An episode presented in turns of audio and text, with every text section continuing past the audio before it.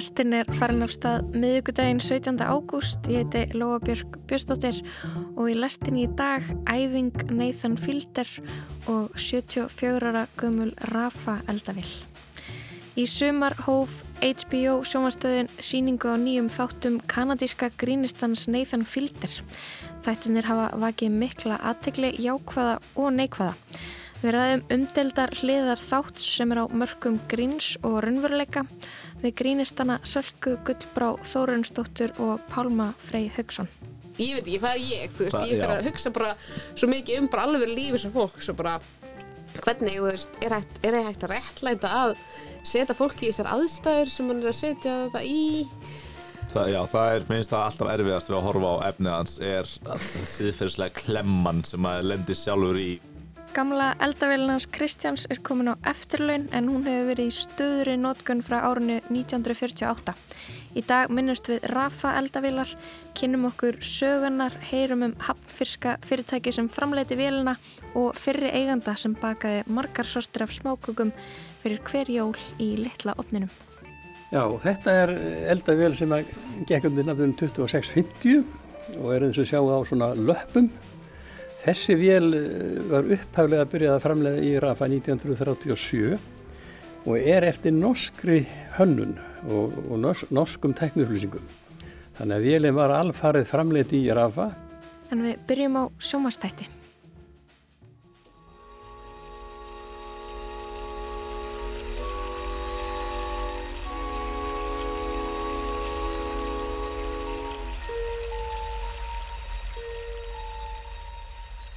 Kanadíski grínistinn Nathan Fielder hefur alltaf verið umdeldur. Hann á sér diggan aðdánda hóp en einni gaggrinendur, fólk sem telur hann rókafullan eða jafnvel illkvettin. Ég fór að horfa á nýjustu þættinans heimilda og grínþættina þýri hörsal í upphæfi vikunar og endurfættist sem aðdándi Nathan Fielder. Fram að því hafði ég ekki hugsað mikið um hann en nú langaði mig að vita allt um hann, skoða myndir af honum, ímynda mér hvernig hann væri í alvörunni, hvernig væri að taka viðtal við hann, hvort að karakterinn Nathan væri líkur alvöru Nathan. Fielder er sannlega þekktastur fyrir Comedy Central þáttaröðina Nathan for You þar sem hann hjálpar fyrirtækjum og fólki með furðulegum viðskiptahugmyndum. Það er næstu því ekki nógu lýsandi fyrir það eiginlega surrealískum hugmyndum. Frægustu dæmin eru örgulega Dömm Starbucks þegar hann opnaði kaffihús árið 2014 í Los Angeles sem var nákvæm eftirmynd af Starbucks kaffihúsakeðinni en orðið Dömm var skeitt fyrir framann allt í búðinni. Eða þegar hann stopnaði líkansrættastöðuna The Movement, hreyfingin, þar sem hann taldi fluttningsfyrirtæki í fjárraksörðuleikum á það að verða að líkamsrættastöð og fá í leið ókipis vinnuafl. Það er erfitt að skilgreina þætti fíldir því að þeir eru eitthvað staðar á landamærum gríns, raunveruleika þátta og gjörninga. Hann setur raunverulegar manneskjur í óvenjulegar aðstæður og útkoman er óþægileg, ófyrirsjánleg en aðalega fyndin. Í Þýri Hörsal heldur hann áfram með sömu vinnuaðferðir og í Nathan for You. Raunverulegar manneskjur í aðstæðum sem hann hefur stilt upp og búið til. Aðstæður þar sem hann stjórnar. Þetta er ekki leikarar sem taka þátt í þessari tilraun hans. Viðbröð þeirra á hegðun eru ekki skrifuð en að þessu sinni ætlar hann að hjálpa fólki að æfa sig fyrir aðstæður sem það er kvíðið fyrir. Kvikmyndatakan í þeirri hörsal er fallegri en við eigum að vennjast í grínþáttum. Skotin eru listfengin og það er hugsað fyrir öllum smáadröðum. I've been told my personality can make people uncomfortable, so I have to work to offset that. Humor is my go to instinct, but every joke is a gamble. Shoes off or. Oh, please, um, walk as is. Okay. And, and Shirt off or just kidding? I'll leave my shirt on. not that. Það er þá bara eitt af þessum hlutum sem gera þessa þætti svona sérstaka en grín getur verið hættulegt og fylgdir tekur áhættur með formið í samskiptum sínum við þáttakendunar og með eigin ímynd og útkoman er ófyrirsjánleg. Ég fekk þau Pálma Frey Haugsson og Sölku Gullbrá Þórunsdóttur til mín til að ræða þessa þætti, þessa þætti sem ég finnst frábærir en líka svo stórir að mig skortir orðin til að lýsa þeim. Come with me, and you'll be in a world of pure imagination. Take a look, and you'll see into your imagination. Pálmi, byrjum á þér. Þú ert Nathan Fielders aðdáðandi. Hvers vegna? Hvað Eh, er það við hann? Mér finnst Nathan Fielder vera bara að gera grín sem er bara það besta svona síðasta áratugur finnst þetta Nathan for you vera, sem er þetta sem hann gerði á undan rehearsal uh, vera örgulega bara eitt af besta grín sem ég sé svona síðasta áratug og hann er að gera öðruvísi grín og hann endaði þá þætti á bíómynd sem heitir Finding Forrester nei, Finding Francis sem ég fannst bara að vera besta mynd uh, þess árs sko, mér finnst bara að það sem hann er að gera ótrúlegt og ótrúlega fyndi líka og Hann er með eitthvað kvöldstatus líka. já, hann er ekkert ótrúlega þekktur og þetta er mjög þetta er óhefbundi grín en finnst þér að finnst þetta eða þú veist, eða kannski bara þetta er þetta smá óhefbundi en mér finnst þetta ekki erfitt grín þetta sem grín er svona, svona erfitt að komast inn í og ekki allra en mér finnst þetta bara universally fyndið sko, eiginlega Emitt, emitt, Salka, þú ert búin að horfa á alla fimm þættina af rehearsal sem Já, eru komnir. Mhm. komnir út. Þú klárar það bara eitthvað á einu kvöldi eða tveim dögum eða eitthvað svona þess. Einu kvöldi, Já. ég byrjaði að gera, ég gæti ekki hægt. Hva, hver eru þín svona fyrstu viðbröð þegar þú horfðir? Ha, bara ha? Og þú veist, ég er náttúrulega málega ég hef hort á Nathan for you. Mér finnst það mjög fyndi, ég hef ekki hort einhvern veginn á alla þættina. Þú veist, ég hef einhvern veginn svona fylgst með honum en ekki verið eitthvað svona algjör aðdáandi þannig. Og svo einhvern veginn byrjaði ég á þessu og ég hugsaði, já, ég skil ég skil konseptið það því að ég rauninni, þú veist, já, hann byrjar á að taka svona eina æfingu hvað snýst um einhverjar æfingar fyrir alvöru aðstæður að æfa um, og ég sagði, ok, ég skil hvernig þetta format á þessum þáttum er fyrir að vera. Þú veist, ég skil hvað er að fara að gerast. Og maður heldur að maður sé að fara að sjá nákvæmlega þetta nákvæmlega þetta Einmitt. fimm sinum að þeim maður er svo vanið sjómas þú veist, það er einhvern veginn líka þannig að það er svo erfitt að koma manna óvart sem áhörfanda já, að þú veist þess vegna held ég hafi klárað þetta alltaf einu kvöldi út af því að þú veist ég byrjaði að hugsa já, fimm þættir sem verða eins, ég skil. Svo bara byrja þáttunum tvö og maður er alltaf meira undrandi og meira í sjokki yfir hversu langt hann gengur í því sem hann er að gera og í þessu gríni. Og núna er ég bara þú veist, ég veit, ég hef ekki hugmyndum þú veist, það er eitt þáttur eftir, ég nefnir ekki hugmyndum hvert þetta er að fara, ég Einmitt, veit ekki hvernig sko. að útskýra hvað hann er að gera Nei, það er einmitt sko það, ég, ég einmitt horfið á þetta allt, uh, semst loka þátturinn í seríunni kemur út á föstudaginn og ég er einhvern veginn að upplifa kannski í fyrst skipti um eitthvað svona raunveruleika þátt eða grínþátt að með svona skortir uh, orðaforðan og ég er búin að vera að lesa ykkur greinar, gaggrinni á hann og mér finnst ég ekki beint geta sagt einhvern veginn nákvæmlega eða eru svona þættir og þetta gerist og hann er að rannsaka þetta og hann er, mér vantar einhvern veginn um, þetta er eitthvað alveg nýtt. Við Þetta er höfum ekki senn eitt þetta er áður. meira eins og einhver, einhver hérna og einhver mjög svona geðveikisleg rannsók eða þú veist, og ég myndi svona, ég sá einhvern líki sig á Twitter held ég við svona eins og, það væri svona eins og grín sálfræði trillir, mm -hmm. þegar maður horfir á svona einhverju bíómyndir sem bara svona ruggla í haustum á manni já. nema grín, þú veist. Mér ást það eitthvað svona svolítið góð lýsing. Og eiginlega bara hvað hann er að gera þetta? Er semir-raumögu þetta er samt eiginlega alls ekki. En, en bara það er eiginlega grínið. Bara hann gangi svona langt í þessum tilraunum sínum. Það er svolítið það fyndna. Þannig að það er svo skrítið að vera einn að selja hvað hann er að gera. Þú veist eins og maður segir setningu hvernig Nathan you gengur fyrir sig eða er í hörsal þá maður einhvern veginn er einhver nær. Og það er svona að sjá það og það er það fyndna sko. Það er líka spurning, þú veist, þess að fyrsti þátturinn þú veist, snýst náttúrulega um að hann, hann heitir einhvern mann sem að hann ætlar að hjálpa að að hérna segja vinkonu sinni hann vill, ma þessi maður vill segja vinkonu sinni sem er svona með honum í svona spurninga svona trivia, svona spurningaleiks hópi þú sem að áhuga fólk um spurningaleiki. Hérna að hann hafi logið að henni að hann væri með masterskráðu þetta er ókslega einfalt í hérna dæmi. Þú veist, hann ætla bara að segja henni það þannig að þau, eina Nathan er að bjóða honum að æfa sig í brjálaðislega nákvæm aðstæðum í að gera þetta. Og, og þá einhvern veginn, þú veist, og maður hugsa einhvern veginn, já, þetta er það sem þátturinn er alltaf að fara að vera. Þú alltaf að fara að hitta nýja mannsku og leysa hverju og leysa eitthvað svona lítið vandamál og það er smá heimskulegt að þið séu að gera svona mikið málur þessu en það er fyndið Every detail was meticulously replicated this time. Oh my gosh. Oh my gosh. This spice rack, it's the exact spices they have, the garlic, Yeah. the basil. This chair is an exact, this, these ribs. Wow. Yeah, and that even even that's um, Wow. exactly the way it is. The, the portrait kind of tilts. You see that balloon there? That's in the real bar.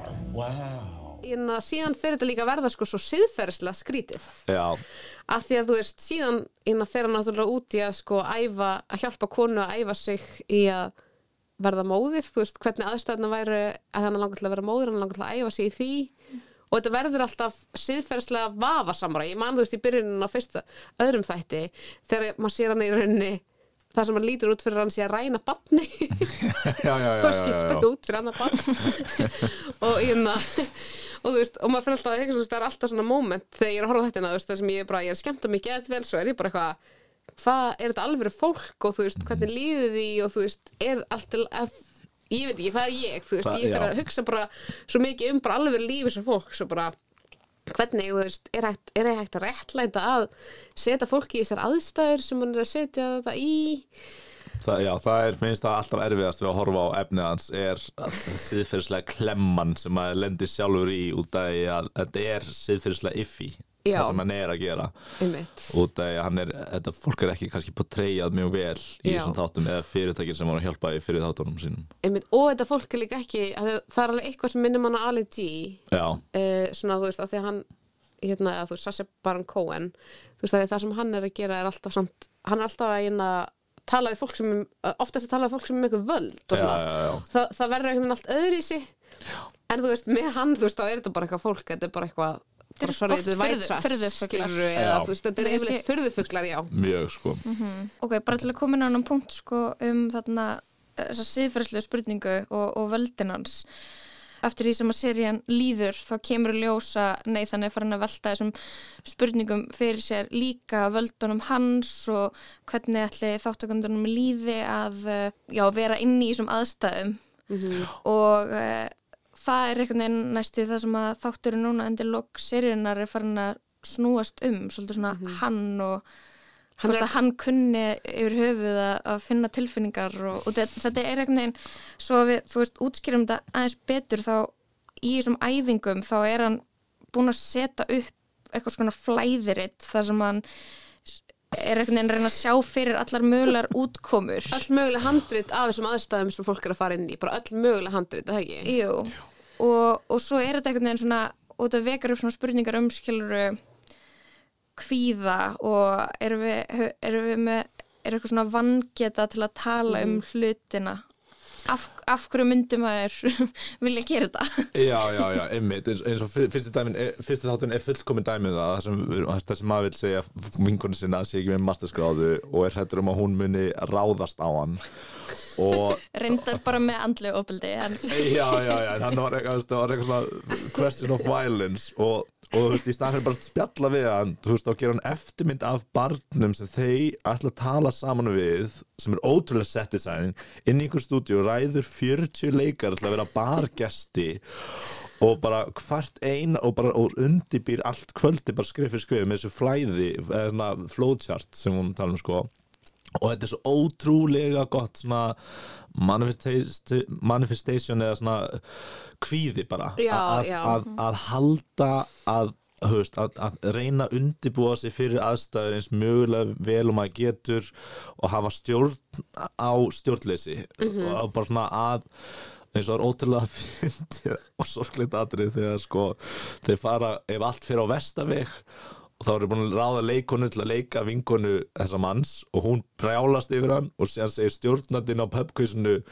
þú tapar hérna í dag eitthvað, og barþjóðin Og segir eitthvað hann var að segja, hann væri ekki með Já, masterskráðu og allir eitthvað, hvað auðmikið þetta? Og það er svona augljóslega er það ekki fara að gerast en kvíðin manns segir manni stundum svona liga Já, já, nákvæmlega. Bara svona að fara, og það er svo áhugavert. Mér er svo, svo mikið að svona, svona heimsbyggilegum og einhverjum svona mannfræðilegum spurningum sem þáttum, mm -hmm. af því þá fyrir maður að hugsa bara myndum maður að vilja geta æft, þú veist æft sig í að því maður hefur alltaf bara einhvern veginn eitt sjans til að gera allt í Já, já, lífinu. já, já.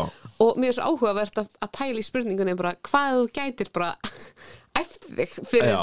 einhverja hluti sem er eiginlega ekkert sjans að æfa sig fyrir eins og einmitt viðbrögð annara þú veist, Einmitt. við erum alltaf að hafa stjórn á eins og segir viðbröðum annara og hvernig innan hlutinir einhvern veginn gerast og erum öll einhvern veginn að dreipast úr kvíða því að við getum ekki haft neina stjórn á þessum aðstæðum og það er svo áhugavert að sjá þú veist, myndið að breyta einhverju að geta æft sig já, já, og í já, já, rauninni einmitt. er niðurstaðan svo að það er ekkert betra eða þú veist, nei. ég veit það ekki þú veist, ég veit ekki hvað niðurstaðan verður en þú veist, já, mér varst það svo áhugavert og, og þetta er líka bara svo mikið þættir um bara fólk og samskipti Já. Mhm. og bara karakterstúdía þetta líka er svo mikið karakterstúdi á venjulegu fólki eins og á sama tíma og manni finnst það að vera veginn að gera eitthvað alveg nýtt í sjónvarpið þá er þetta kannski bara svona alveg frekar þekkt aðferð í kannski sálfræði meðferðum að, að þarna fyrir hlutverkaleik til að Já, nú, okkur, nú þarf ég að eiga erfitt samtal og ímyndað er að ég sé pappiðin þú veist Já, þetta, já, þetta, já, er já, alveg, já. þetta er ekki eitthvað svona hann var ekki að finna þetta upp í Nei. rauninni skilur en þetta minnir mér samt líka á því að ver- hann, hann einhvern veginn sér aldrei þau sjá aldrei fyrir viðbröðin þú býst einhvern veginn við því versta. versta. Já, en svo er fólk að koma þér á óvart og er frekar skilningsríkt. Já, já, já, já. í grunninn og líka sko ég myndi segja út í að við erum að tala um hvort þetta sé raunveruleika þáttur eða ekki. Þetta er náttúrulega raunveruleika þáttur fyrir þessa þrjá fjóra sem taka þátt og restin er eru leikarar.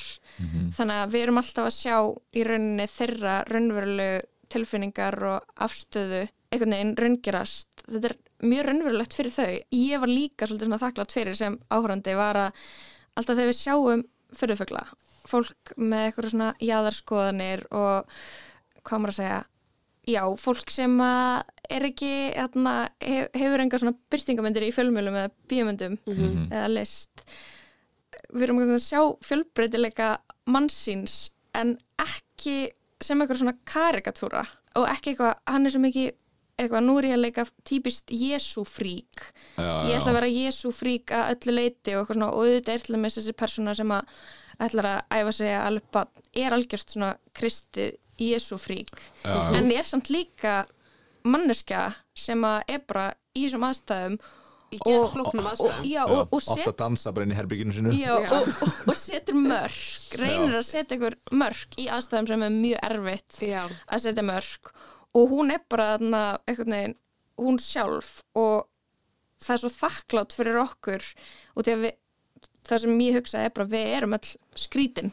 Já. við er Mhm. þarna, eins skrítið og þessi kór sem er í spurningarliðinu að hann meiki ekki að segja hann sé ekki með masterskráði er ekki allir með eitthvað svona? Jú, Jú. Þa, það hlýtur eiginlega bara að vera. Já, og já, nákvæmlega sem hann segir líka þú veist, að svo kannski spólum fyrsta hættinu skilur þú veist þegar hann segir sér við eftir langa og strangar æfingaferli segir hann við hann að hann sé ekki masterskráði og hann býst við að bara hún brjálist en hún er svo skilningsrík og eftir það talar hann við hann í einn og halvan klukkutíma og gleymir quizinu bara um, hvern- bara um sambandsinu föðu sinni eða eitthvað og og sig. Hvað geti hafa allir þessu? Já. já, já, þú veist, og ég, ég horfði ég, sko, ég hágrið þegar ég sá það. Ég var bara, Oh ég, ég bara þetta var svo fallegt einmitt að byrja eitthvað inn í sér og þú veist svo mikið, veist eitthvað, strákatalingi tilfinningar og allt það og bara síðan segir hann eitt og bara já, ekkert mál. Og hann bara já, og síðan bara, flo, bara floodgates Já. open. Og þú veist, greinilega maður sem á ekki auðvitað með að tala um tilfinningar eða masterskráð eða eitthvað svona sko, og það eru svona moment líka alveg inn á milli sko, það sem ég veit ekkert hvernig mér á að líða. Svona mann, rosalega mannleg moment. Rosalega.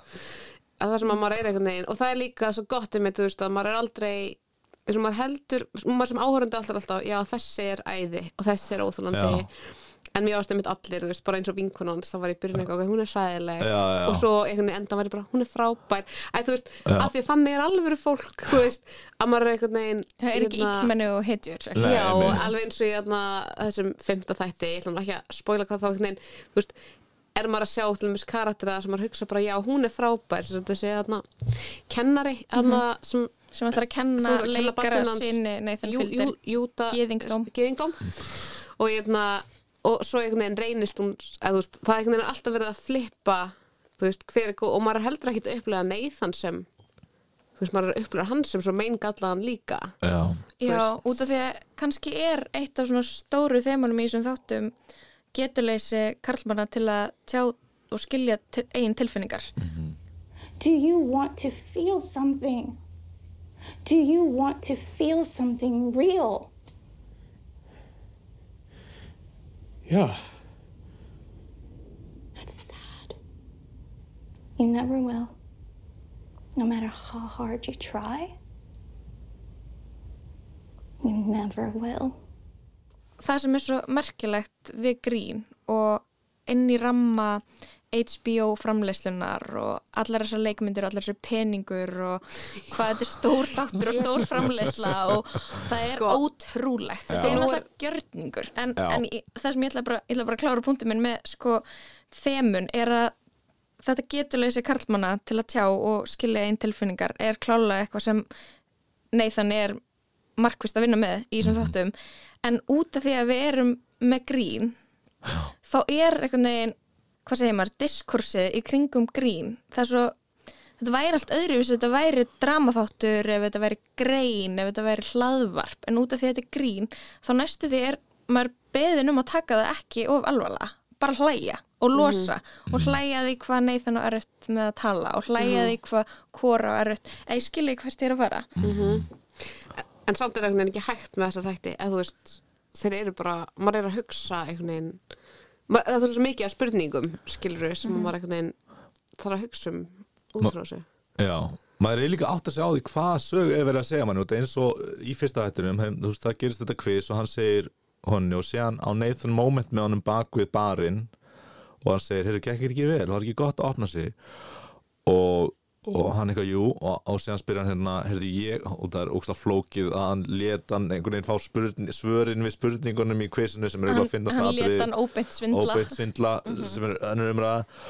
Og hann segir já og síðan breytist skotið og þá sjáum við leikara leika manni sem er ekki leikari í sinni og hann drullar yfir neyð þannig og segir hvernig dirfistu að veist, ég er í sjónvarpinu og eðlar þetta allt fyrir mér og þá sjáum við að að einhver leiti hvíða neyðans manifestast í bara eitthvað, ég er Já. samt að plata fólk hérna. Já, og ég veit ekki af hverju hann leiti inn og þetta var leikari og þetta er einhvern veginn brýtur út úr narratífuna en, en lætur mann spyrja spurninga í mitt Mér finnst þetta mjög mikilvæg punktur Já. sko, um, um líka, þú veist, öll, að, út í þetta gerist síðan áfram í seríunni þar sem Mhm. að hann uh, játar eitthvað og við vitum í rauninni ekkert, mér finnst við ekkert endilega að vita hvort hann sagði hann um þetta eitthvað tíman eða ekki. nei, nei. En, en þetta er líka hugmyndin um Nathan sko sem legara, það er verið að segja það aftur og aftur. Orðið legari kemur svo oft fram í seríunni. Og þarna, mér finnst það svo áhugavert eh, þarna, og þetta er bara svona rauninni eitthvað listamæður að spyrja sér sefræslega spurninga. Er ég legari eða uh, má ég þetta? Já, má ég þetta, má ég ganga svona á þetta fólk? Er ég að ganga mikið á mig? Að því einhverju tímúti þá er hans líf farið að vera ein líi hann er í svo mörgum lögum bara í marg laga, bara ruggli þar sem hann er að leika leikara sem hann er að þjálfa sem hann er, þú veist, þetta er bara svo mikið rugg og maður hugsa bara svona líka, þú veist, hvenar er hann þú veist, örgulega bara svona maður farið tilfæringa öll, allir önnveruleiki sé bara þú veist, alveg farin einhvern veginn I was starting to lose track of which version of myself I was supposed to be in these rehearsals. So, is this silly or is this something that I should take seriously? It's silly and serious. I mean, it's complicated. Life can be more than one. Leikonan sem leikur gerfi Angelu hellir sér yfir Nathan og afhjúpar óttans. Er hann legari sem getur ekki tekin einu alvarlega? Er allt grín? Upplifir hann ekki alvöru tilfinningar? Er hann vond manneskja? Orð sem rýma við þá gaggrinni sem þættinir hafa fengið. Honestly. Okay, well, why are you here, huh? Why are you doing this? Are you are you really trying to help me, or am I the silly part that you talk about, huh? Is my life the joke? Do you sit here with your friends at the end of the day laughing at me? No, you're not the joke. Not at all. No, no one's the joke. The situations are funny, but interesting too. But this can be like the opportunity to raise your kids in a, in a rehearsal. Shut up! You're a liar. Because if this were real, you would have some sort of emotion instead of standing there like a rock. En er þetta ekki bara hans stærsta listaverk? Nathan Fielder er 38 ára búin að gera fjórar þáttaræðir af Nathan for You og bara mjög vel svona establisheraður listamæður. Er þetta ekki bara svona hans magnum opus eða Ég held það sko Eða, veist, þetta er bara hann er búin að vera einmitt manni vinna- líður þannig þegar maður horfir á þetta? Já, hann er að gera svo stóran hlut hann alltaf að gera Nathan for You var að skrifa líka Who's America með Sassam Baron Cohen sem var svona keimlíkt nema aftur á móti Mhm. völdum sko en þetta er bara, þetta er svo stór og áhugaður gjörningur að stundum öskur hlægi en, en oftast er ég bara svona svolítið bara marvel af því sem ég er að horfa. Já, það er nefnilega ótrúlega fyndið að horfa á grínþætti og eins og, Lóa var að segja, þú veist, hún var svona, já, ég, ég er bara svona dóur hlátur því ég sá, þú veist að tala um hann aldurspeilin og, og ég fattaði að ég er ekkert búin að hlæja mikið upphátt á menn ég horfa á þetta því ég er eiginlega bara svona, þú veist, held bara um andlitað á mér og er bara, ég er bara svona gapi. Já. en samt finnst mér þetta ógstlega fyndið en ég einhvern veginn svona já, ég held maður þurfa bara að horfa á þetta einhvern veginn aftur. En þú veist, þetta er, þetta er einhvern veginn þannig en þetta, er, þetta hlýtur já, þetta er alveg með því bara betra sem að maður hefur séð lengi bara fyrst að maður getur líka að tala um þetta endalaust þú veist, það segir eitthvað sko. Þakka ykkur kærlega fyrir spjallið og við bara býðum öll spennt eftir að loka þættinum af The Rehearsal. Já. Takk Já. kærlega fyrir komuna. Takk fyrir mig. Takk fyrir mig Come with me, and you'll be in a world of pure imagination. Take a look, and you'll see into your imagination.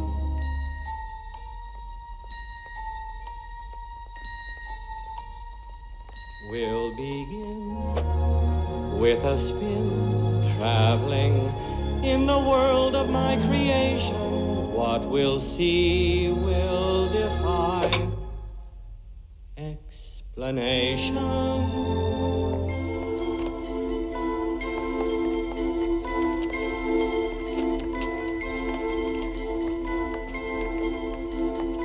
If you want to view paradise, simply look around and view it. Anything you want to do it. Want to change the world. There's nothing to it.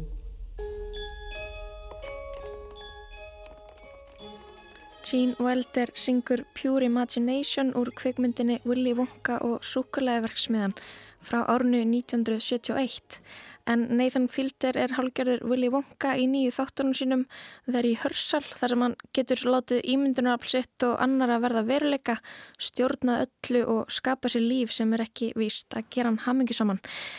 Hjá okkur í spjalli voru þau Salfur Gullbrá Þórarinsdóttir og Pálmi Freyr Haugsson. En næst ætlum við að heyra í Kristjáni Guðjónssoni. Við ætlum að heyra innslag frá því í desember 2021. Þá var honum endingargóð eldavél hugleikin. Þegar ég fæ gesti heim til mín í kaffi eða matarboð þá er það undantekningalöst ein mubla á heimilinu sem vekur sérstaka aðtekli. Þetta er forláta Rafa eldavél sem hefur staðið í eldhúsinu líklega alveg frá því að fyrstu íbúarnir fluttu inn í blokkina árið 1948. Þetta er hvítur opn á fótum með þrjár hellur á svörtu helluborðinu, fimm snúningstakkar, einn fyrir hverja hellu, svo einn fyrir yfirhita í opninum, önnur fyrir undirhita. Á lítilli opnhörðinni er svo hitamælir. Eldavélinn hefur virkað vel undarfærin ár. Ég og Birna kærasta mín höfum soðið havragraut, við höfum hitað kaffi, eldað lasagna og lambarygg og svo framvegis og svo framvegis. Það hefur gerst nokkru sinnum, að minnst okkursti oftar en einu sinni, líklega oftar en tveisar, að einhver heimilismæður hefur glemt að slökka á hellum. En helluborðið er svo sterk byggt að jáfnvel þó að hellan sé rauðglóandi þegar við höfum komið heim, þá hefur ekki kviknað í húsinu. Að minnst okkursti ekki ennþá. En nú er vélinn farin að slá út ramagninu nokkuð reglulega og við höfum ákveðið að hennar vitjunartími sé komin. Við ætlum að breyta eldhúsun okkar. Þetta er auðvitað skiljanlegt, vélinn er komin á eftirlauna aldur og á kvíldina skilið og kvílíkur endingar tími 74 ár. Vélinn vekur nefnilega ekki bara aðtegli gesta því hún er einstaklega falleg og síkild hönnun, heldur vegna þess að hún er svo gömul, hún hefur elst heila mannsæfi og tímum þegar kapitalískir gróðakvatar hvetja fyrirtæki til að framleiða vörur sem fyrnast, frekar en að endast, þá eru ekki vöndi að sjá svona endingar góða hluti. Í einhverju ráftækjaveslun bæjarins sæði starfsmæður mér að ég geti reikna með að nýju opni minn myndi endast í einhver 8 til 10 ár. Þannig að með að við framleiðslu venjur nútímans hefði þurft að framlega nýju opna í stað gamla rafaopsins. Já, ég verði stöðut forvitnar um gripin og spyr mig hvaðan koma eiginlega þessir endingar góðu opnar hver framlitist líka gæða vöru og svarið er einist vera í nafninu. Nafnið sko Rafa stendur fyrir ráttækja versmiða Hafnafjörðar, HF og það er sagt stittunum Raf og svo Hafnafjörði. Þetta er Yngvi Ingiþórs Ingarsson fyrir um frangvandastjóri Rafa sem hefur verið viðlóðandi fyrirtækið í heil 50 ár. Já, ég hóf starf hérna sem tæknifræðingur 1971, þá ný komin úr skóla. 1971 og vannstu síðan bara þar alla, alla tíð síðan? Já, ég er búin að starfa hérna í 50 ár. Verslun og verksmiðja eru í fagru umhverfi við lækin í Hafnarfyrði. Rafa á hverju heimili í 50 ár. Sko, ég ætlaði eiginlega bara að, að sína þér mynd af eldavelinni minni sem að ég er svo leiður að, vera að losa mig við. Uh, finn hérna í símanum. Sko, hérna er, hérna er eldavelin. Já, þetta er eldavél sem að undir nafnum 2650 og er eins og sjá á svona löppum. Þessi vél var upphæflega að byrja að framlega í Rafa 1937 og er eftir norskri hönnun og, og nors, norskum teknuflýsingum. Þannig að vélinn var alfarið framleitt í Rafa. Í byrjun var hún framleitt eins og þau sjáum með eða þið sjáu það nú ekki í útveitinsendingu en e, hún byrjaði byrjað að vera framleiðina sko, með steiftum hellum og hægt var að stinga takaður upp úr vélinni sko.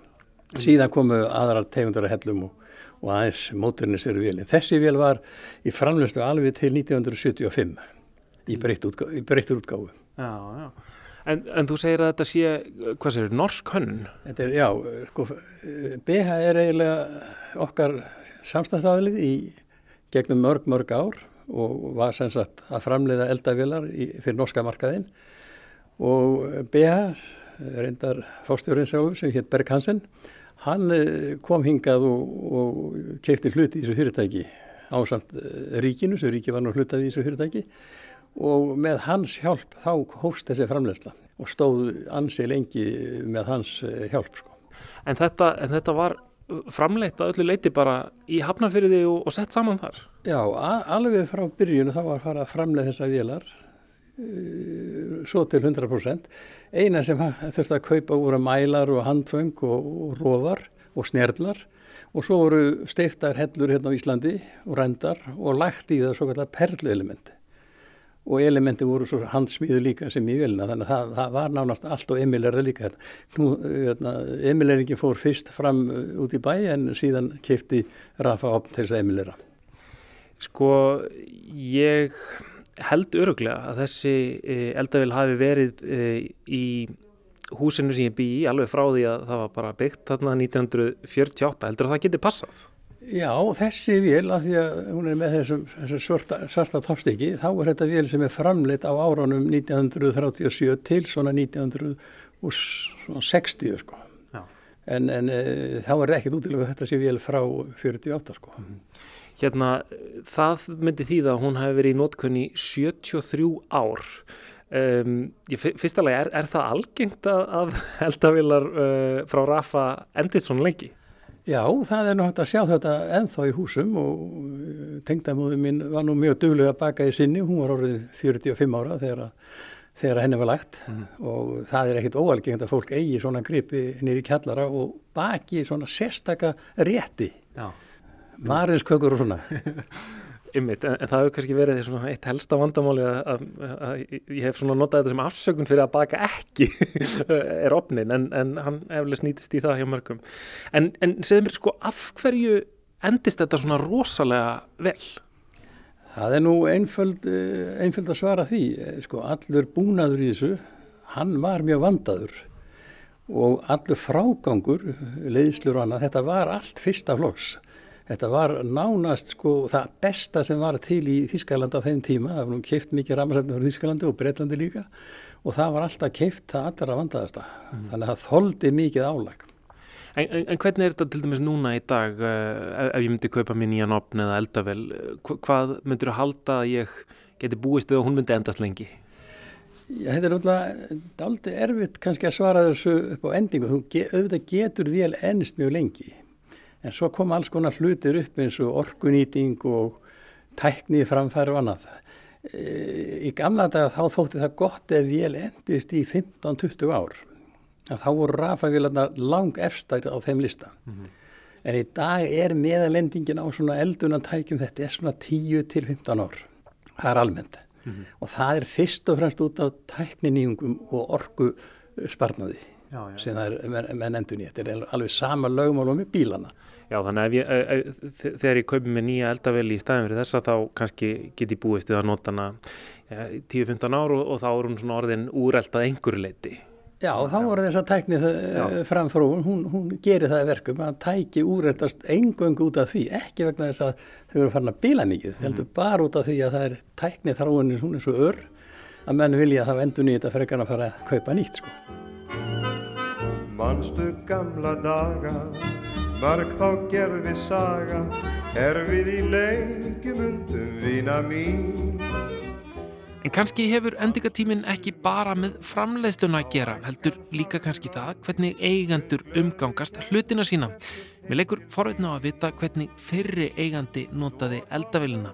Mér langaði að vita meir um þennan hlut og allt það sem hann hafði séð á sinni löngu æfi. Ég hafði því upp á mannesku sem vissi meira.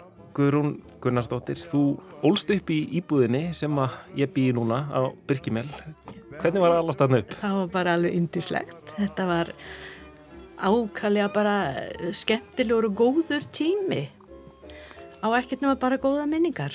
Guðrún ólst upp í íbúðinni á samt sýstu sinni Hildi og foreldrunum Marju Áskjörsdóttur og Gunnari Böðvarsinni.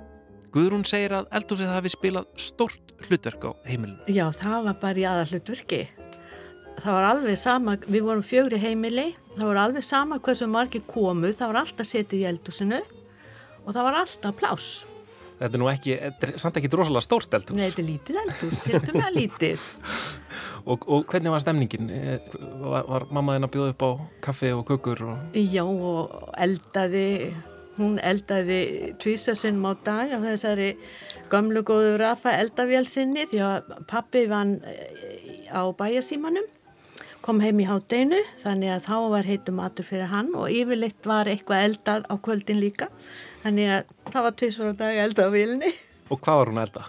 Hún eldaði allt mögulegt, það var mikið, það var mikið um fisk og, og allskins, eh, já bara svona venjulegur heimilismatur. Og þú mannst eftir þessari eldavill bara alveg úr barnæsku eða hvað? Ég gerir það og við sístur minnumst þess við vorum að þrýfana ég tala nú ekki um sko ef það var e, svona stór þrýf í gangi þá byrjaði maður á að þrýfa toppin og svo var honu lift upp og þá voru e, jafnvel hellurnar ef það var sko virkilega vel átt að hreinsa virkilega vel þá voru hellurnar teknar upp. Svo var þegið og, og þrýfið vel í kring og hellurnar settar á sinn stað þegar allt voru orðið fínt þá var þurkaði yfir með dagblæði til að fá virkilegan glans á. Svo var toppurinn settu niður. Nú skal kannski taka fram að Guðrún er ekki eini viðtalinu. Hún vildi endilega draga sýstursson sinn með sér í viðtalið en það hafi hann mikið verið á ömur sinni og eldað á Rafa eldavelina. Meðal annars þegar hann var að læra að verða kokkur. Síðan þá hefur hann gett sér gott orð á þeim vettvangi, reyndar mjög gott orð. Hann er yfirkokkur á eina íslenska veitingastafnum sem hefur fengið hérna virtu Michelin stjörnu. Hverjar eru líkurnar? Ég spyr Gunnar Karl Gíslason yfirkokk á Dill hvaða minningar ná úr eldhúsi ömmusinnar?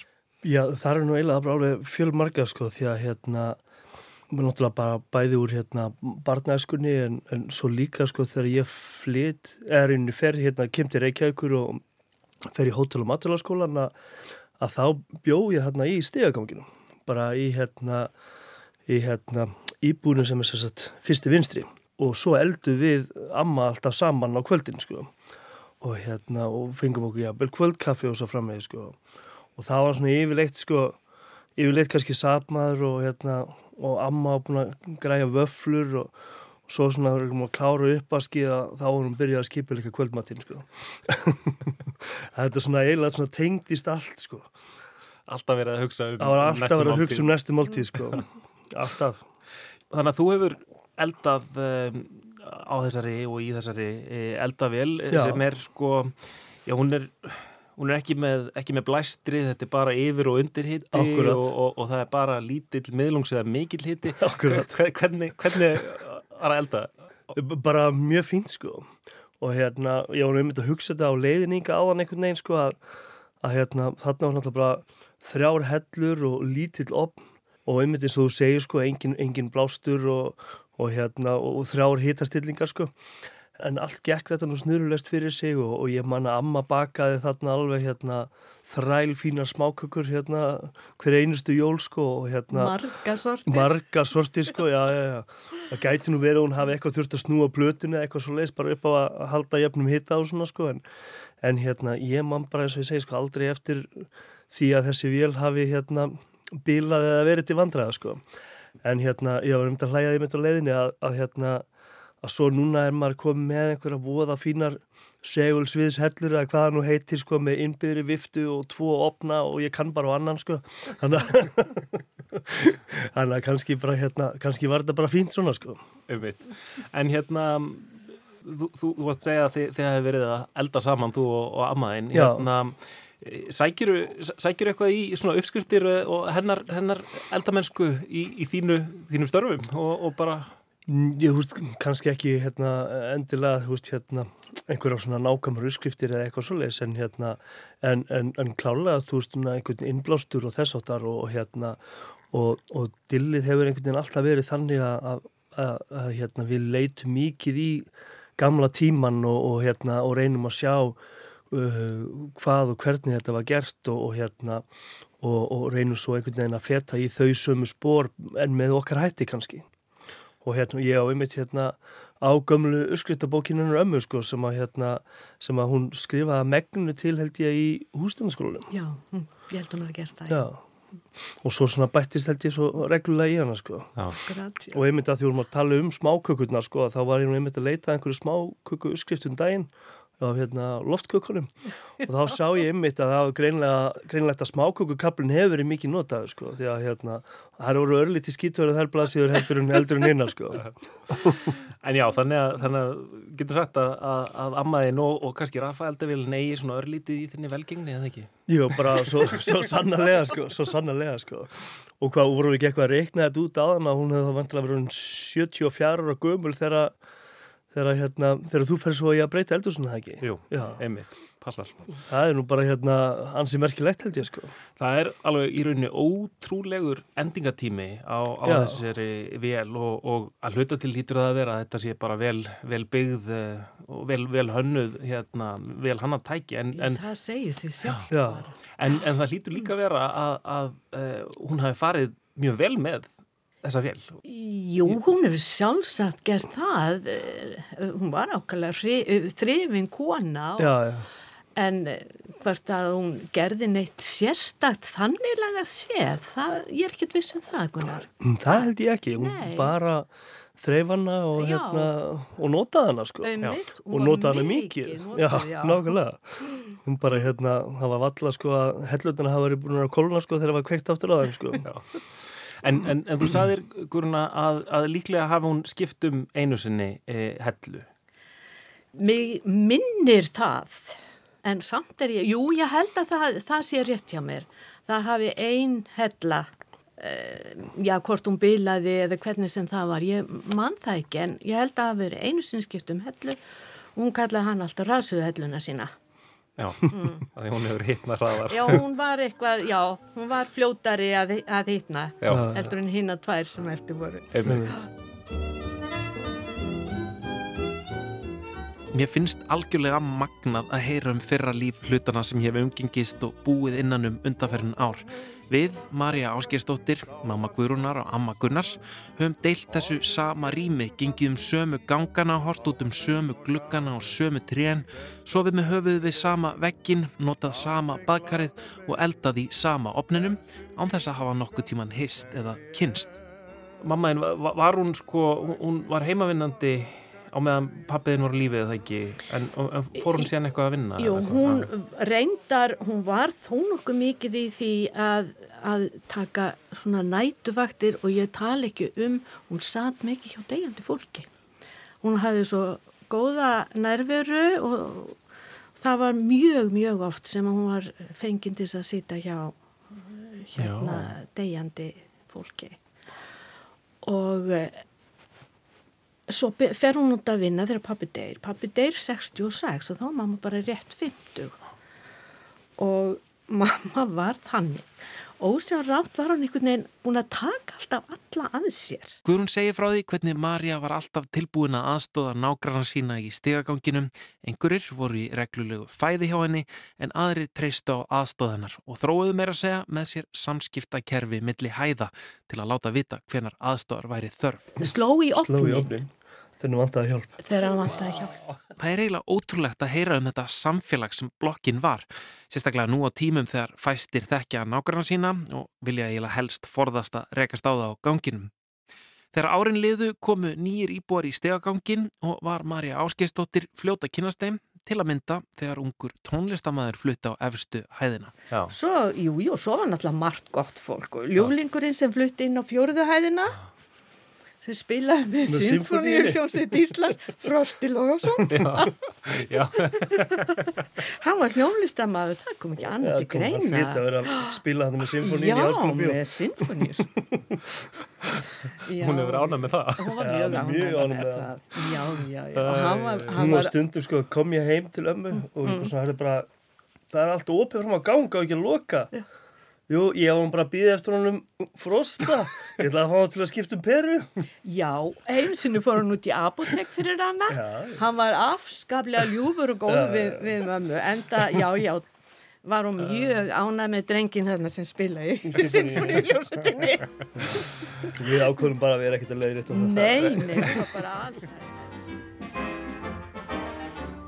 Ég verði að viðkynna það, ég er orðin svolítið tilfinninga samur vanandi þess að eldavél get bara ekki fengið mig til þess að hendina á haugana. Hún verður að nýtast áfram. Ég prófa að senda árbæjarsafninu post en þau verðast eiga nógu mörg eintök af þessum snildar grip. Sæl Kristján, því miður getum við ekki tekið á móti fleiri rafaeldavilum en takk fyrir að hafa samband við borgarsjóðsafn. Mamma mín segir mér að ég sé komin með slæman askilnaðar hviðavarandi dauða hluti. Það sé ekki gott mál. En ég held áfram, ég set inn færslu á Facebook-hópin Gefins allt gefins Rafa Eldavill leitar að nýju heimili. Nokkri sína vélinni áhuga en fyrst til að senda út flutningarlið er kona sem segist alltaf að gefa tengdarmóðu sinni vélina í jólagjöf. Hún hafi verið að leita sér að slíkri vél til að koma fyrir á leiksvæði barnabarna sinna í gardinum í sveitinni. Setnum kvöldið koma svo tveir fíl eldir karlmenn að sækja gripin. Þetta er helvítið þung sko. Það er Þeir bera eldavélina niður stígan og setja hann upp á pallbíl, binda hann niður og keira út í myrkrið. Við byrna kærasta mín setjum eftir með nýja eldavél sem mun endast næstu tíu árin ef allt gengur vel. Hvernig líður mér? Uh,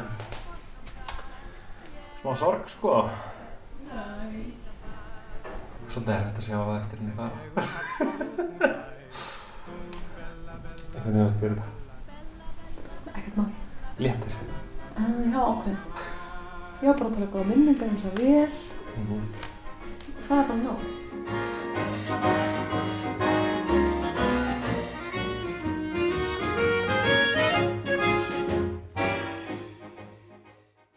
Óður til gamals heimilstækis Kristján Guðansson.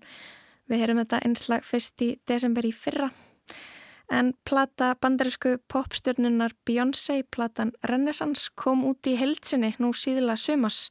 Hús og danstónlist eru þar í aðalhlutverki, alveg nýr hljóðheimur fyrir hana og plötunni hefur verið vel tekið af gaggrinendum. Við ætlum að ljúka þættinum á fyrsta lægi plötunar, I'm That Girl, ég er svo stelpa. Lestin verður ekki mikið lengri í dag, við verðum hérna aftur á morgun á sama tíma. Ég heiti Lóa Björk Björnstóttir og tæknumæður var Lítja Gretastóttir. Verðið sæl. I pull up in these clothes, look so good, cause I'm in that hole, you know all these songs sound good, cause I'm on that hole, dead ass.